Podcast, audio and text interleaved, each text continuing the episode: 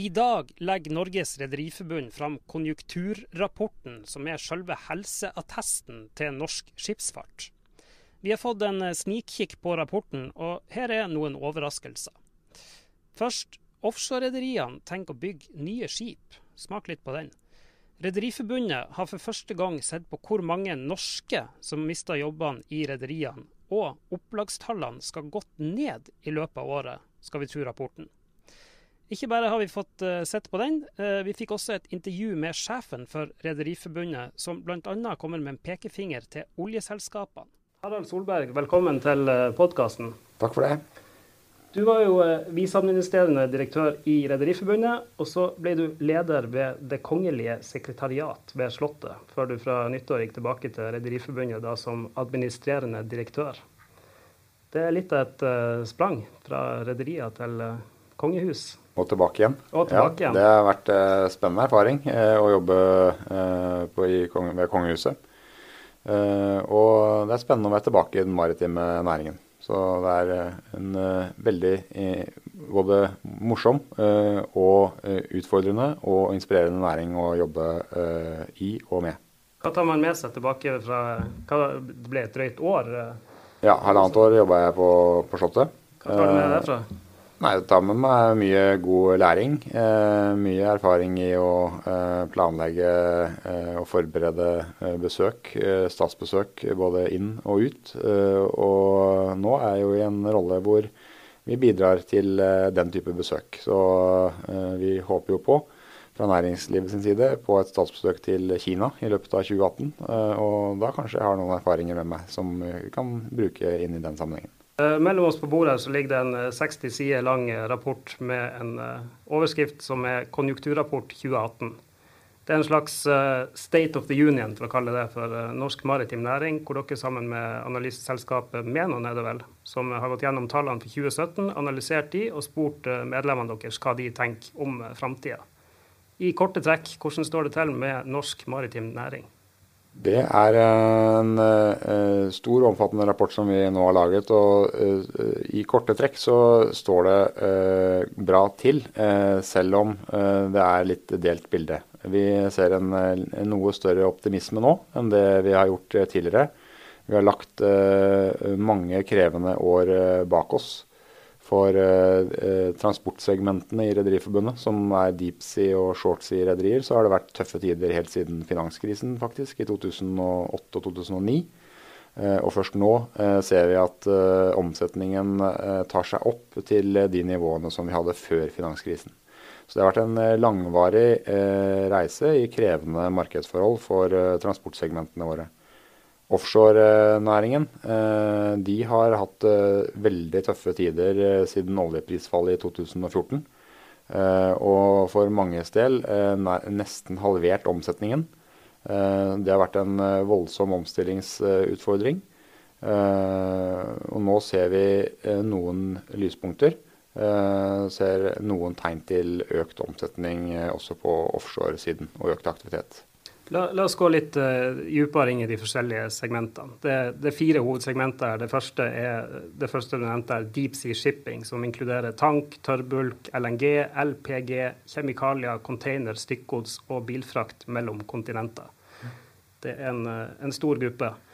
Uh, dette er kanskje det segmentet det går best med om dagen, så kan man lese ut fra denne rapporten. Ja, i hvert fall eh, de som har uh, mest positive forventninger til uh, både utviklingen på omsetningen og når det gjelder lønnsomheten uh, i, de, i, det neste året. og det er, det er, veldig gode nyheter. og gjenspeiler nok at vi ser en, en, økning eller en vekst i verdensøkonomien. alle disse deep sea-segmentene er jo veldig avhengig av utviklingen i verdensøkonomien. Eh, og nå ser vi en eh, bedre fart eh, både i USA og i Asia. Og det er positivt for disse segmentene. Ja, Deep Sea-segmentet har nesten alle inntektene sine fra utenfor Norge. da, og ja, Kina. Over 80 de henter over 80 av inntektene sine eh, fra de utenlandske markedene. Eh, og eh, Kina, USA er veldig viktige markeder for Deep Sea-segmentene. Mm. Her forventes det også en uh, altså Dere spør jo medlemmene hva de forventer for 2018. og Her ser vi at uh, de forventer å sysselsette en god del mer folk i løpet av uh, det året. her. Det var vel 800 stykker eller noe sånt? Ja, alle segmentene våre forventer å ansette flere folk, også Deepsea-segmentene. og når vi også spør medlemmene våre hva slags kompetanse de trenger, så er det et bredt spekter av kompetanse. Den, eh, den eh, viktigste eh, kompetansedelen er jo de som har operasjonell erfaring eh, fra sjøen. Eh, men også IT- og databehandling, teknisk personale, eh, nautisk, økonomer, jurister. alle typer profesjoner som skal til for å drive et rederi, er det behov for, ut fra hva våre medlemmer nå, nå sier om fremtidsutsiktene. Den du nevner på andreplass der, som er IT og digital kompetanse, eh, egentlig. Det er vel, eh, Deepsea-segmentet er vel kanskje ikke det som er mest kjent for å være noe spydspiss på jeg vet ikke hva man skal si. Eh, vi har jo noen spydspisser, vi har noen spydspisser der eh, også i Norge. Vi har jo, Det har vært lansert eh, selskaper eh, med eh, bl.a. Wilhelmsen og Kongsberg Gruppen, eh, som ble lansert i går. Uh, og vi har flere andre medlemmer som ligger langt uh, fremme innenfor uh, tenkning når det gjelder digitalisering. og vi ser at den, behovet for å tenke nytt, både om det operasjonelle på skipssiden, hvordan vi bruker data fra skip og i, i rederivirksomheten, hvordan det påvirker forretningsmodellene i rederiene. Eh, hvordan det påvirker det operasjonelle i havn, eh, er viktige viktig utviklingstrekk. Og vi ser også at Norge er ledende i verden på utvikling av autonome skip. Mm. Så her kommer det til å skje veldig mye på, på digitaliseringsfronten fremover. Og, og rederiene posisjonerer seg for å bygge kompetanse på disse områdene.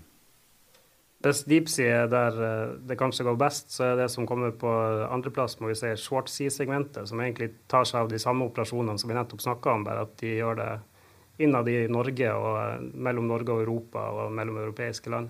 Ja, og det, det shortsea-segmentet vi organiserer i Rederiforbundet, er i hovedsak de som frakter varer eh, mellom Norge og, og Europa. og der ser vi at det har vært en veldig stabil uh, utvikling. Uh, det er ikke de uh, store svingningene i det segmentet. men de er ganske optimistiske, og det er positive tall når det gjelder både forventninger om omsetningsutvikling og, og, lønnsomhet. Så det er gledelig. Her også ser vi en, en vilje til å ansette, ser det ut til. Der er det også en vilje til å ansette, og det er også en uh, næring med et stort potensial. Og vi mener uh, et ubrukt potensial fra Rederiforbundet sin side. For uh, her kan man ved å tenke nytt løfte gods fra landeveien over til sjøveien.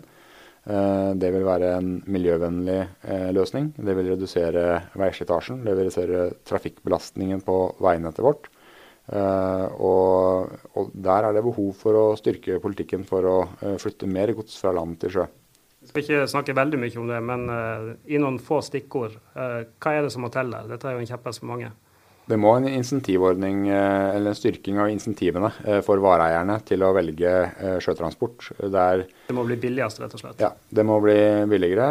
Og der er det en utfordring når det gjelder den relative konkurransekraften.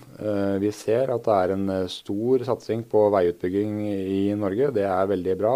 Alle er for det. Men vi må passe på at ikke den relative konkurransekraften til vei Eh, styrkes gjennom den satsingen, eh, for det vil svekke sjøtransporten. og det vil eh, også spise opp mye av den kapasiteten som vi bygger ut på veisiden. Så skal mm. vi lykkes i en effektivt transportnett, så må vi både satse på sjøveien, og vi må fortsette å satse på infrastrukturen på land. Så beit meg merke i da jeg leste om shortsea-segmentet i rapporten deres, at her er ganske få eh, opplæringsstillinger besatt i det segmentet her, sammenligna med offshore og deep sea, hvis jeg det, leste det riktig. Hva skyldes det? Nei, Det er jo det er nok i all hovedsak eh, en eh, konsekvens av eh, at den, det er en, et segment som har brukt lite norske sjøfolk de siste årene. Og, og der vil en styrking av nettolønnsordningen på NIS og en innflagging fra shorts i flåten til NIS kunne bidra positivt til flere opplæringsstillinger. Vi kan snakke litt om, om nettolønn her. Det kan passer bra. Dere eh, skriver jo egentlig at uh, dere er ganske fornøyd med de rammebetingelsene som uh, eksisterer nå.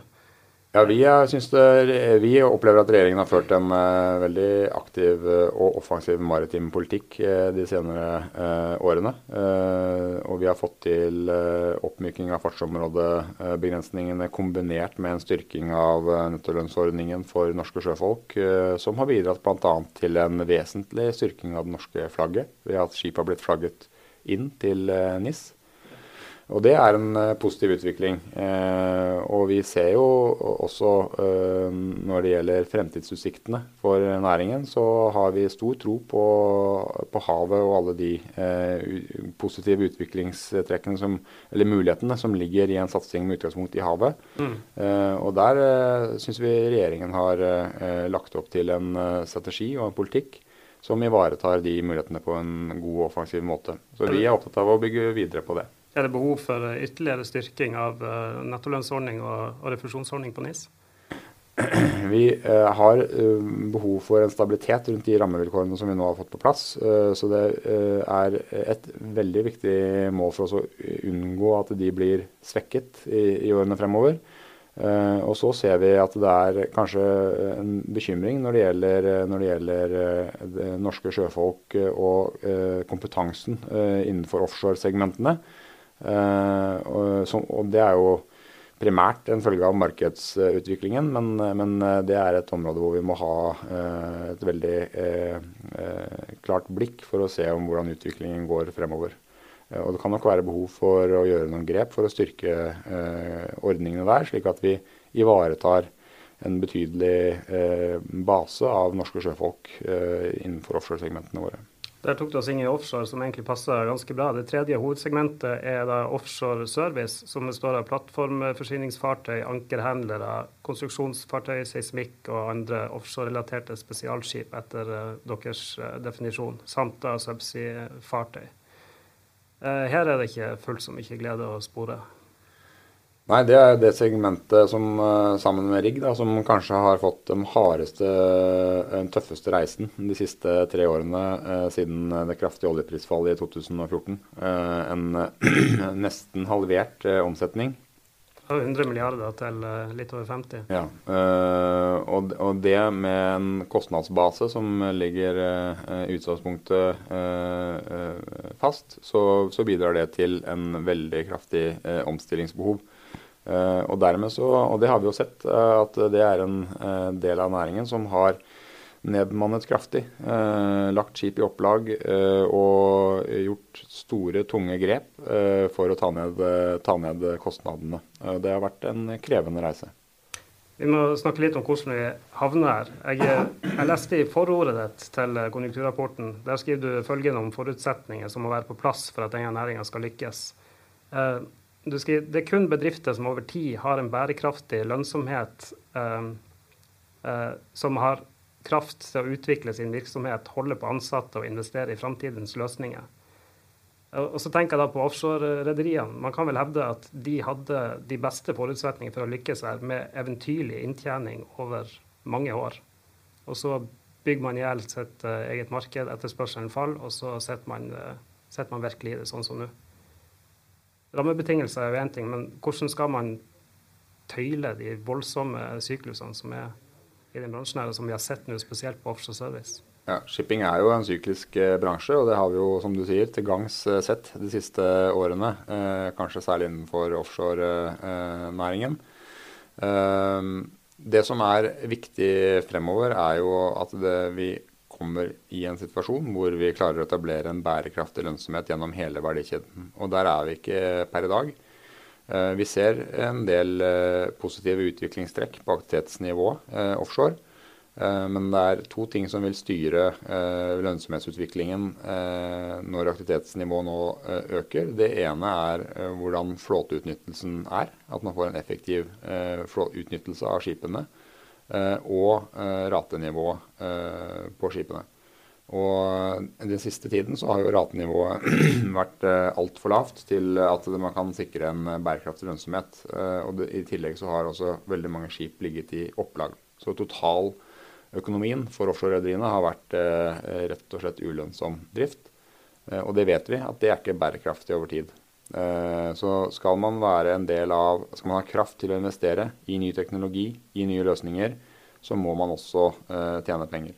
Men for å gjøre oss ferdig med det først. altså Her, her kommer vi fra en kjempeopptur over uh, mange år. Nå er det flere som spår at markedet er på vei tilbake. Du sier det sjøl også at man ser ei, ser ei, bedring. Det kommer til å komme nye oppturer. Hvordan skal man stå imot sånne voldsomme fall som man har fått nå? Hvordan skal man la, la være å bygge i hjel sitt eget marked neste gang? Vi ser jo i rapporten at det, det er faktisk uh, offshoreredere som planlegger å bygge nye skip i løpet av de neste fem årene. Det var vel 46 uh, nye skip eller noe sånt. Alle våre segmenter uh, har planer om nybygg, og det er jo et godt tegn, syns vi. fordi hvis man ikke har planer om nybygg, så har man jo litt for få planer om videreutvikling. Uh, og uh, Det er egentlig kjernen av vårt budskap også. Uh, for å kunne utvikle nye teknologier, nye løsninger på fremtiden, så må man tjene penger. Og dagens situasjon innenfor offshorenæringen er ikke bærekraftig. Det, det kjøpes inn skip fra oljeselskapenes side på rater som er langt under operasjonskostnadene. og når aktiviteten nå stiger, så må vi også forvente at eh, ratenivået stiger. Eh, vi skal, Samtidig som eh, vi legger det til grunn, så skal vi som næring bidra til å holde kostnadsnivået nede. Men det må vi gjøre primært ved at vi jobber smartere, ved at vi bruker nye teknologiske metoder som er billigere. Ikke ved at ratene på skip ikke dekker engang operasjonskostnadene. Det er ikke bærekraftig. Nei, der, der, er vi nå. De, de, verste tilfellene vi har sett, er vel supply ships som har blitt slutta til under 20 000 kroner i spotmarkedet. Dette er båter som har operasjonsutgifter på si 70 000 kroner per dag. Ja. Og da har man ikke begynt å dekke de finansielle forpliktelsene som rente og avdrag, og der er i hvert fall ingenting igjen til, til overskudd til, til rederiet. Um, så har vi jo en situasjon der eh, de fleste som hadde lange kontrakter inn i denne krisen, har måttet reforhandle de ned til rater som, som er vesentlig lavere enn de har, har vært da. Det har vært en uh, tvungen uh, reforhandling. Det har jo uh, ikke vært rederiinitierte reforhandlinger. Det har vært krevende og tøffe prosesser. Uh, og, og, Derfor så er uh, egentlig vårt budskap knytta til uh, aktivitetsøkningen fremover, det er at vi forventer høyere rater. og rederiene, leverandørene knytta til offshorekjeden, kan ikke holde kostnadene kunstig lave for at oljeselskapene skal utbetale utbytter og bonuser. Og vi vet jo hvor viktig denne verdikjeden har vært for å utvikle de løsningene som vi eh, i dag har på norsk sokkel. Eh, det har jo, eh, En måte å se det på er at man har eh, bygget i hjel markedet. En annen måte å se det på er at man også har investert tungt i nye teknologiske løsninger. Større, mer avanserte skip. Og det er klart at den type større og mer avansert tonnasje også er dyrere å drifte. Så disse tingene henger jo sammen. Eh, det som har vært krevende de siste årene, er jo at eh, det eh, ikke har vært mulig å oppnå en, en betaling for disse tjenestene som, som er forsvarlig. Hvor ligger ansvaret her for at vi havna der? Det er eh, Jeg tror ikke jeg skal begynne å gå inn og fordele noe ansvar for, det. Eh, men eh, setter man seg i speilet, så er det jo helt sikkert mange som har lært mye nyttig av den perioden vi har vært gjennom. Både oppturen og nedturen. Og den kunnskapen tror jeg vi kommer til å ha glede av i tiden, tiden fremover også. Eh, din forgjenger, eh, Sturla Henriksen, han eh, sa jo i en podkast hos oss for et drøyt år siden at han pekte på Statoil i forlengelsen av det du nettopp snakka om her, og sa at nå må de ta, ta, sin del av ansvaret her og, og, ikke presse leverandørene for hardt. det lå vel i det at mye av de innsparingene som oljeselskapene herunder Statoil har gjort, har, har, blitt tatt ved å på en måte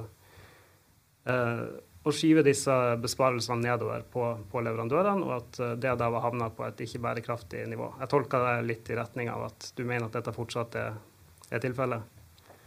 Ja, det som i hvert fall uh, er vår uh, vurdering, det er at Statoil som den desidert største operatøren på norsk sokkel, som i realiteten kontrollerer nesten 80% av norsk oljeproduksjon, har et, har, et, særskilt ansvar for hvordan man tenker når man kjøper inn tjenester. Og det er også sånn at Statoil, Det er i Statoils interesse, mener vi, at man har en bærekraftig leverandørindustri Eh, som kan eh, bistå i å utvikle ny teknologi, investere i ansatte og investere i eh, næringen også for fremtiden. Og da er man avhengig av at hele verdikjeden tjener penger, ikke bare toppen. Mm. Tror du at det kommer til å bli sånn som du ønsker det skal bli? Ja, jeg tror det er en erkjennelse i industrien at man over tid må ha bærekraftig lønnsomhet i, i, i hele verdikjeden. Eh, og Så vil jo utviklingen fremover eh, vise eh, hva, som er, eh, hva, som er, konsekvensen av et eh, høyere aktivitetsnivå og noen, eh, noen lyspunkter i horisonten. Mm. her har vi jo den situasjonen fortsatt her til lands i hvert fall, at den norske flåten av offshore serviceskip, rundt 600 båter, er fordelt på ganske mange hender. Um, det har vært uh, røster som har ivra for å konsolidere dette, få antallet rederier ned, og det har uh, til en viss grad skjedd gjennom fusjonen som endte med Solstad og Farstad. Hva, hva tenker du om den situasjonen opp mot uh, det som du skisserer her? Altså, er, det, er det med på å, å minke utsiktene for å få, få opp ratene og ha mer igjen til rederen dersom aktiviteten går opp, at eh, bildet fortsatt er såpass fragmentert på redersida? Det er i hvert fall eh, mye tonnasje i markedet. Eh, og det, Sånn vil det nok være fremover også. Det er jo ikke bare utviklingen på norsk sokkel som vil avgjøre hvordan dette vil se ut fremover. Vi har jo en norsk offshoreflåte som i realiteten er bygget for et verdensmarked som ikke lenger eksisterer.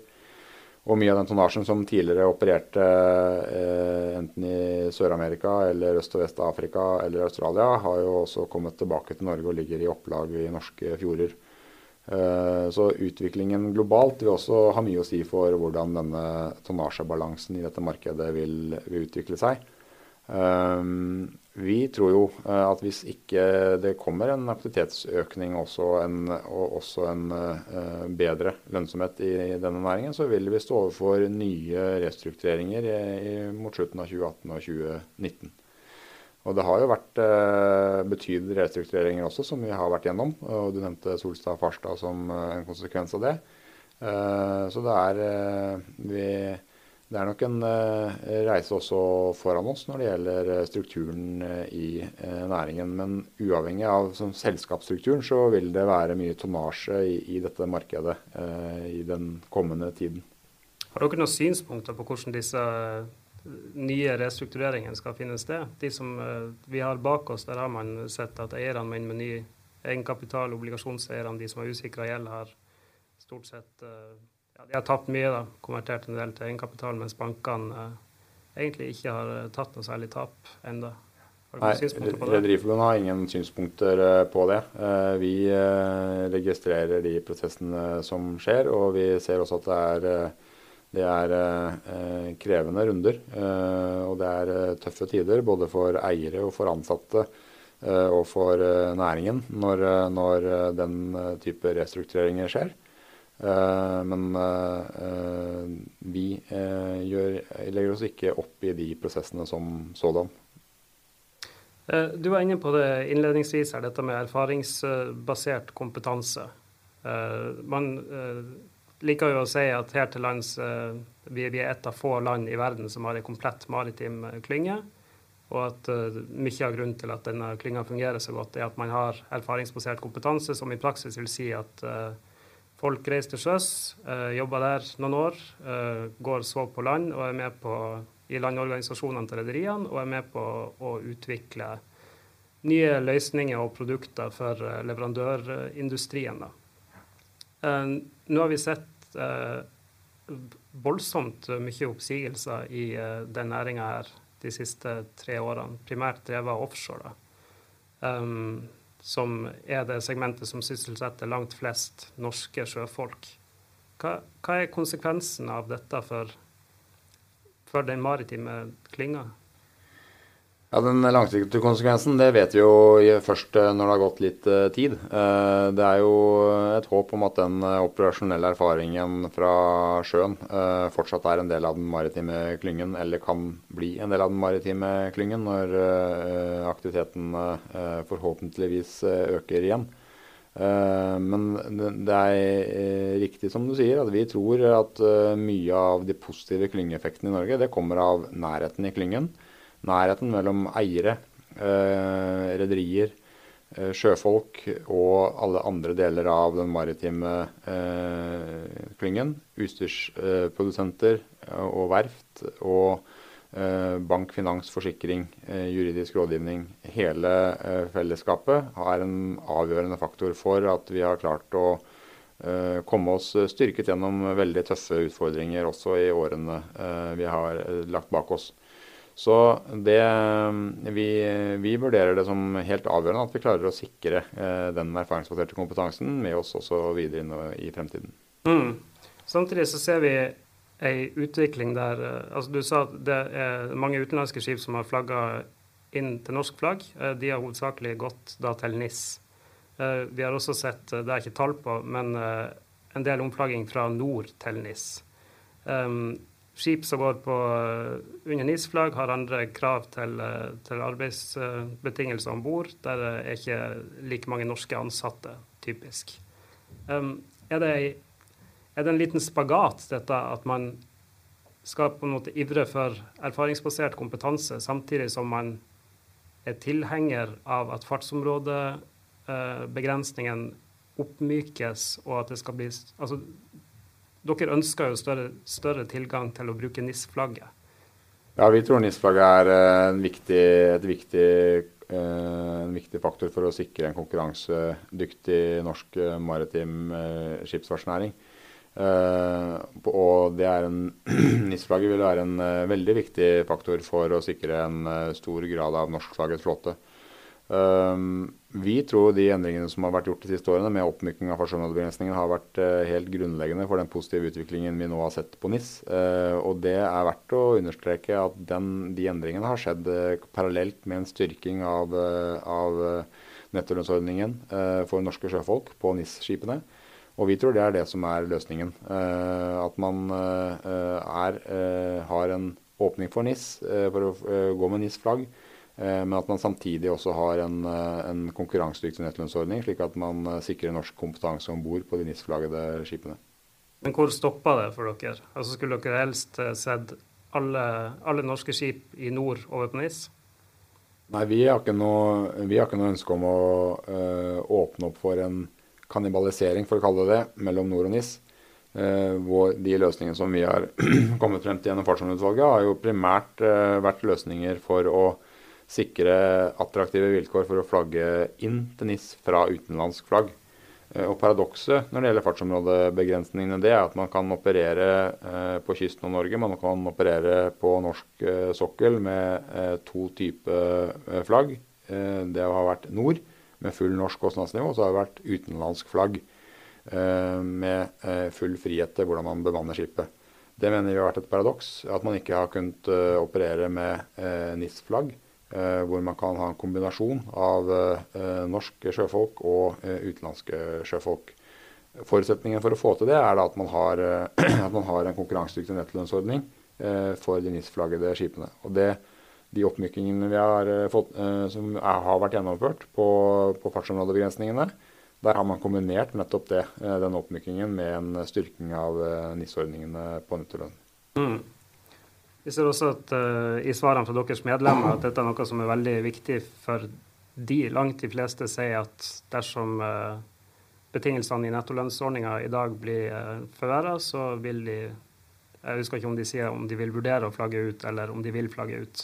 Ja, Det, viktig, det, viktig, det, gjelder, det viktig, aller viktigste når det gjelder de maritime rammevilkårene for å sikre en fortsatt norsk tilstedeværelse av en næring som er gjennomglobalisert, som sånn sett kunne operert fra hvor som helst i verden, det er, det det er rederibeskatningen og det er nettolønnsordningen. Og de to rammebetingelsene er helt avgjørende for, for å fortsette å satse med utgangspunkt i Norge. Og Der har vi opplevd en, en, stabilitet og en positiv utvikling som har vært viktig for, for den norske maritime klyngen. Dere er jo en del i, i kontakt med de som uh, gir disse rammebetingelsene, uh, de som styrer landet. Hvilke signaler får dere uh, derfra? Vi får, de signalene vi får derfra, er at vi kan forvente stabilitet rundt disse rammebetingelsene. Og rett før jul så fikk vi også en bekreftelse på det gjennom at det norske rederiskatteordningen er renotifisert uh, i ESA, altså i, i Brussel. Det er, det er Brussel som legger rammevilkårene for de norske maritime, for de norske maritime ordningene. Og gjennom renotifiseringen av av eh, rederibeskatningen, så har vi eh, stabile rammevilkår og forholder oss til eh, de neste ti årene. Og det er helt avgjørende viktig.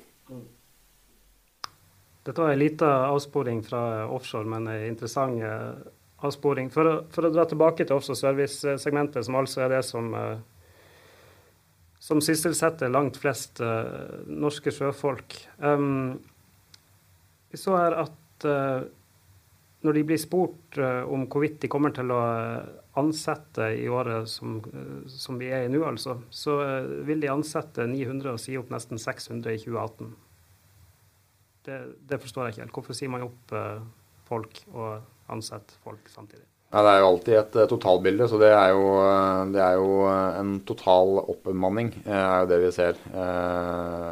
de Alle selskaper har jo, som ser fremover i tid, vil jo ha både planer om visse nedbemanninger, helt avhengig av hvordan strukturen i selskapet er, og så har man planer om oppbemanninger. og Det interessante for utviklingen er jo hva som er nettotallet. og Når vi ser innenfor våre segmenter, så er det en Eh, forventet netto bemanningsøkning innenfor alle segmenter. Og Det stemmer jo også godt med tallene når vi ser på opplagssituasjonen eh, offshore. Så forventer offshore-rederiene redusert antall skip i opplag, altså færre skip i opplag. Noe av det er, Eller det er tre måter å ta skip ut av opplag på. Enten så selger man det til en annen virksomhet i andre, andre næringer. Eller så eh, hugger man opp eh, skipet, eller så setter man skipet i aktivitet. Eh, og i den grad skipet går ut til aktivt virke, så skal det oppbemannes. Og det samme ser vi på riggsiden.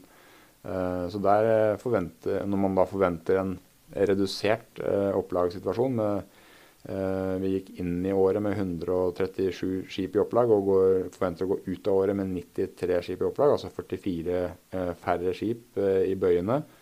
Og på riggsiden så gikk vi inn i året med 25 rigger i opplag og forventer å gå ut av året med 17 rigger i opplag, altså 8 færre rigger. Så medfører det en bemanningsøkning, rett og slett som en konsekvens av at, at deler av tonnasjen settes i aktivitet. Mm. Det er jo positivt nytt. Ja, det får en si. Vi gikk vel inn i, i 2017 med ja, var det 180 båter i opplag eller rundt der? Ja, til sammen med uh, skip og rigg. Og, og, mye tyder nå på at uh, 2017 uh, ble året hvor vi passerte opplagstoppen. Mm. Um, det står ikke så bra til i offshore service, må jeg vel konkludere med. Men um, lyspunktet kan jo være at det ble ikke så ille som uh, de som ble spurt for uh, ett år siden, hadde sett for seg. Der var det vel 70% mener jeg husker, som sa at de forventa dårligere inntjening enn uh, en året før. Og så endte det opp med at bare 35% eller noe sånt opplevde det. Ja, det er riktig at omsetningsfallet gjennom 2017 ikke ble så dramatisk som man frykta. Og det er vi jo selvfølgelig glad for. Men det er likevel verdt å merke seg at omsetningen jo da er en pekepinn på hvordan aktivitetsnivået er. Til syvende og sist så er det lønnsomheten man lever av, eller overlever på, eller ikke overlever på. Og vi ser at lønnsomheten fortsatt er en utfordring i, i disse segmentene. Så, en, så, er dette en eh, næring som har eh, en betydelig omstillingsevne og omstillingsvilje, som hele tiden eh, søker etter nye markeder og nye muligheter. Og vi har sett en interessant eh, utvikling i, eh, i, innenfor næringen, særlig når det gjelder satsing på havvind. Og mye av den eh, kompetansen som vi har bygd opp i offshorenæringen på olje- og gassiden, den brukes nå innenfor fornybar energi til å uh, montere uh, og konstruere og legge til rette for uh, store havvindsparker.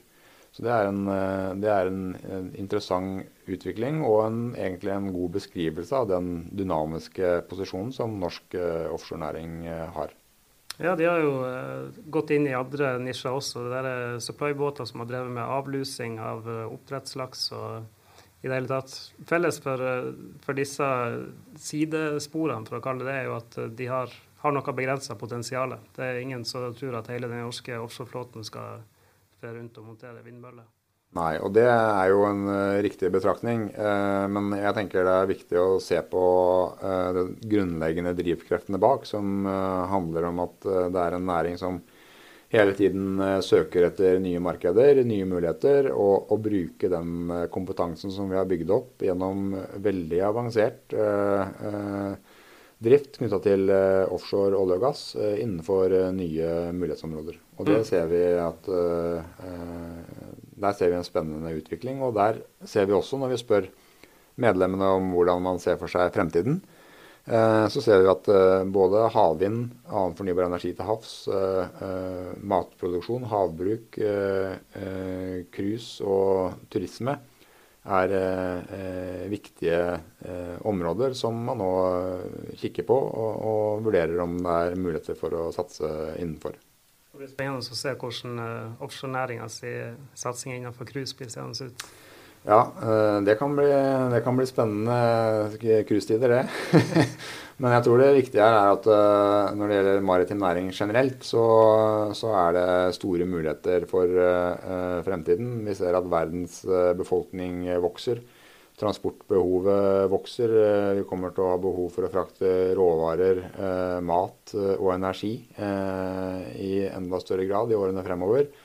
Så det ligger store muligheter når det gjelder utviklingen med utgangspunkt i havet. Og I tillegg så har man eh, alle ressurser eh, da knyttet til eh, økt matproduksjon, til mineraler og andre naturressurser som ligger på havbunnen. Så en bærekraftig og fornuftig forvaltning av haver, våre felles havressurser i årene fremover blir, kommer til å bli stadig viktigere for både Norge, men også resten av det internasjonale fellesskapet. Mm. Uh, vi har ett segment igjen som uh, mange av de skipene vi nettopp uh, eh, snakka om nå, er knytta ganske tett opp til, som er rigg. Mens uh, offshorerederiene ser for seg at inntektene deres vel vil synke med 2 i inneværende år, så er det med positivt fortegn på, på riggsida. Er det uventa? Nei, vi ser jo en, eh, en, viss eh, økning i aktivitetsnivået. Eh, og økt boring vil være en viktig drivkraft for å kunne, kunne legge til rette for den utviklingen som operatørene ser for seg offshore. Så Derfor så forventer nok riggrederiene en viss økt aktivitet, og med det også en økt omsetning. Så må det sies at uh, mange av de eh, riggslutningene som har vært gjort uh, gjennom, gjennom, 2017, har vært på lave rater. så det gjenstår fortsatt å se. eller egentlig samme budskapet rundt riggratene. At det er helt avgjørende at, de sikres, at det sikres bærekraftig lønnsomhet også i det markedet på ratenivå fremover. Mm.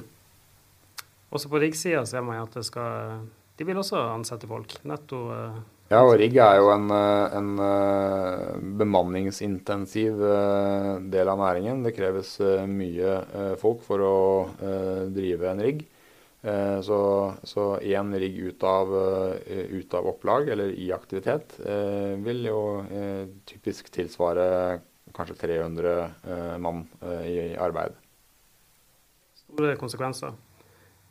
Jeg vil dele litt med en ting som jeg beit meg merke i når det gjelder kvinnerepresentasjon i denne næringa. Det er jo fortsatt ei, ei veldig mannsdominert næring. Få kvinner i styrene til de rederiene som vi har sett på nå. Eh, også få i eh, ledelsesposisjoner. Man har en del kvinner i landorganisasjonene, eh, og faktisk på rigg eh, ser vi at det er en del kvinner som jobber. Men eh, spesielt i rederiene kommer vel eh, dårlig ut der. Hva tenker du om det? Jeg tenker at dette er en spennende næring både for menn og kvinner. og det er et veldig viktig eh, oppdrag for eh, oss fremover å sikre en bedre kvinnerepresentasjon. Eh, så denne næringen trenger eh, flinke kvinner, og vi trenger flinke menn. Så, og du har jo rett i betraktningen, kanskje særlig når det gjelder på ledelsesnivå, at næringen har behov for en bedre kvinnerepresentasjon.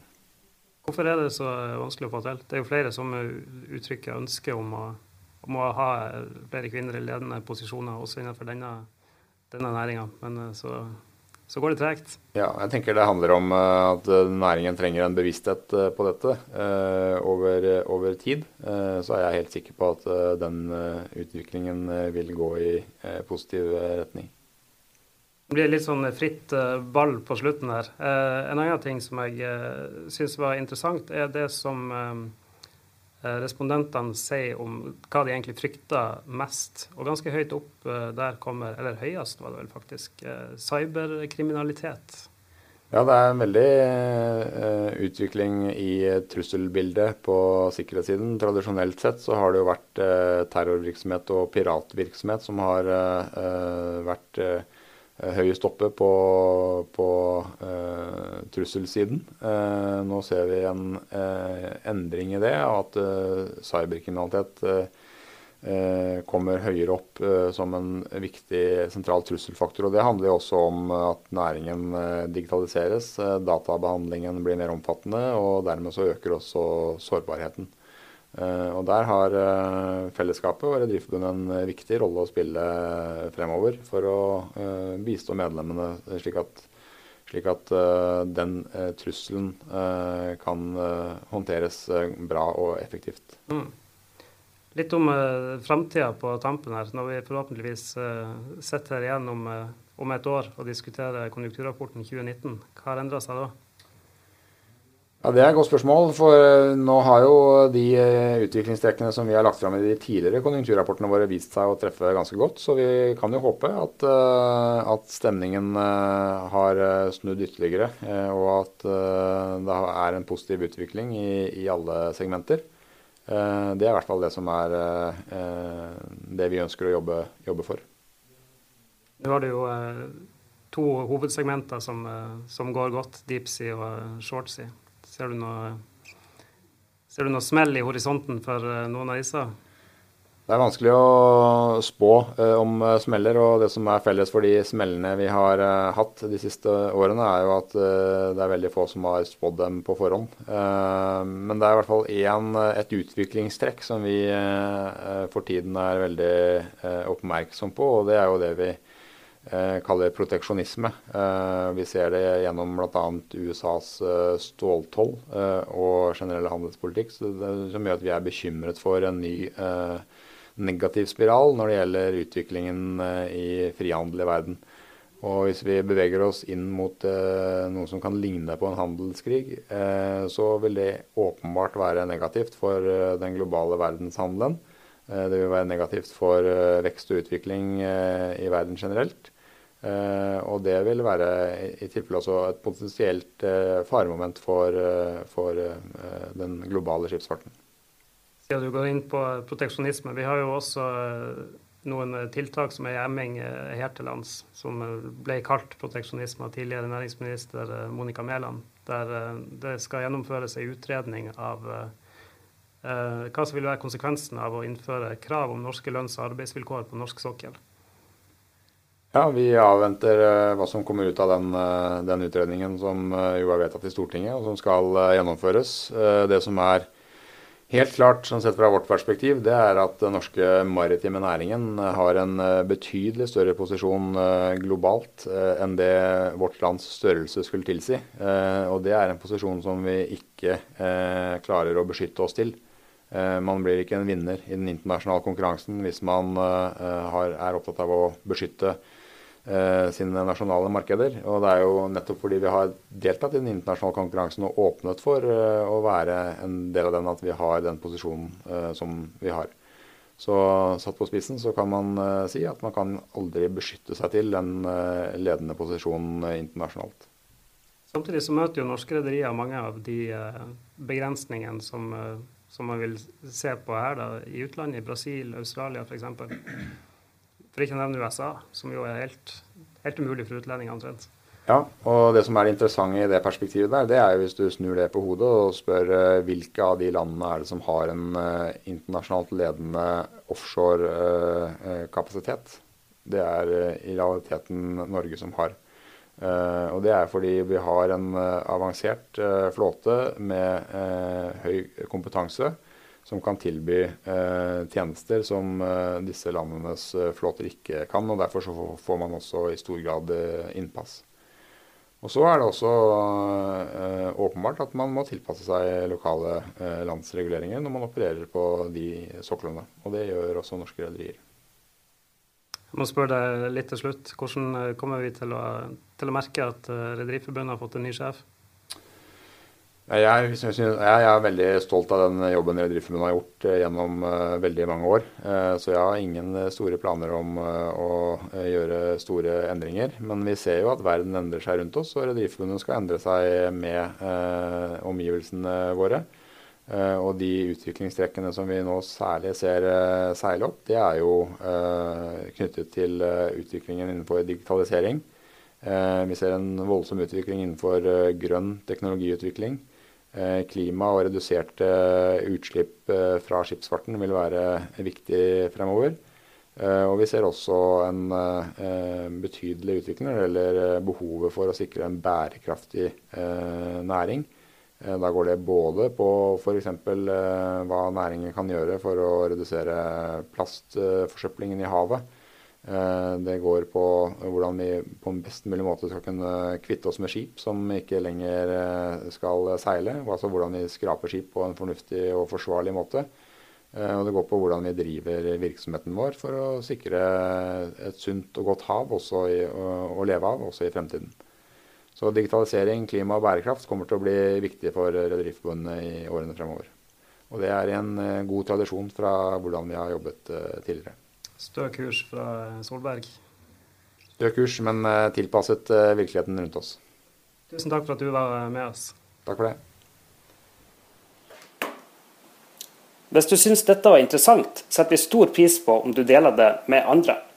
Klikk på deleknappen og send i vei, og hvis du i tillegg tar deg tid til å legge igjen en vurdering, blir vi veldig glad for det. Takk for nå. Mitt navn er Gerhard Flåten, og jeg håper vi høres snart igjen.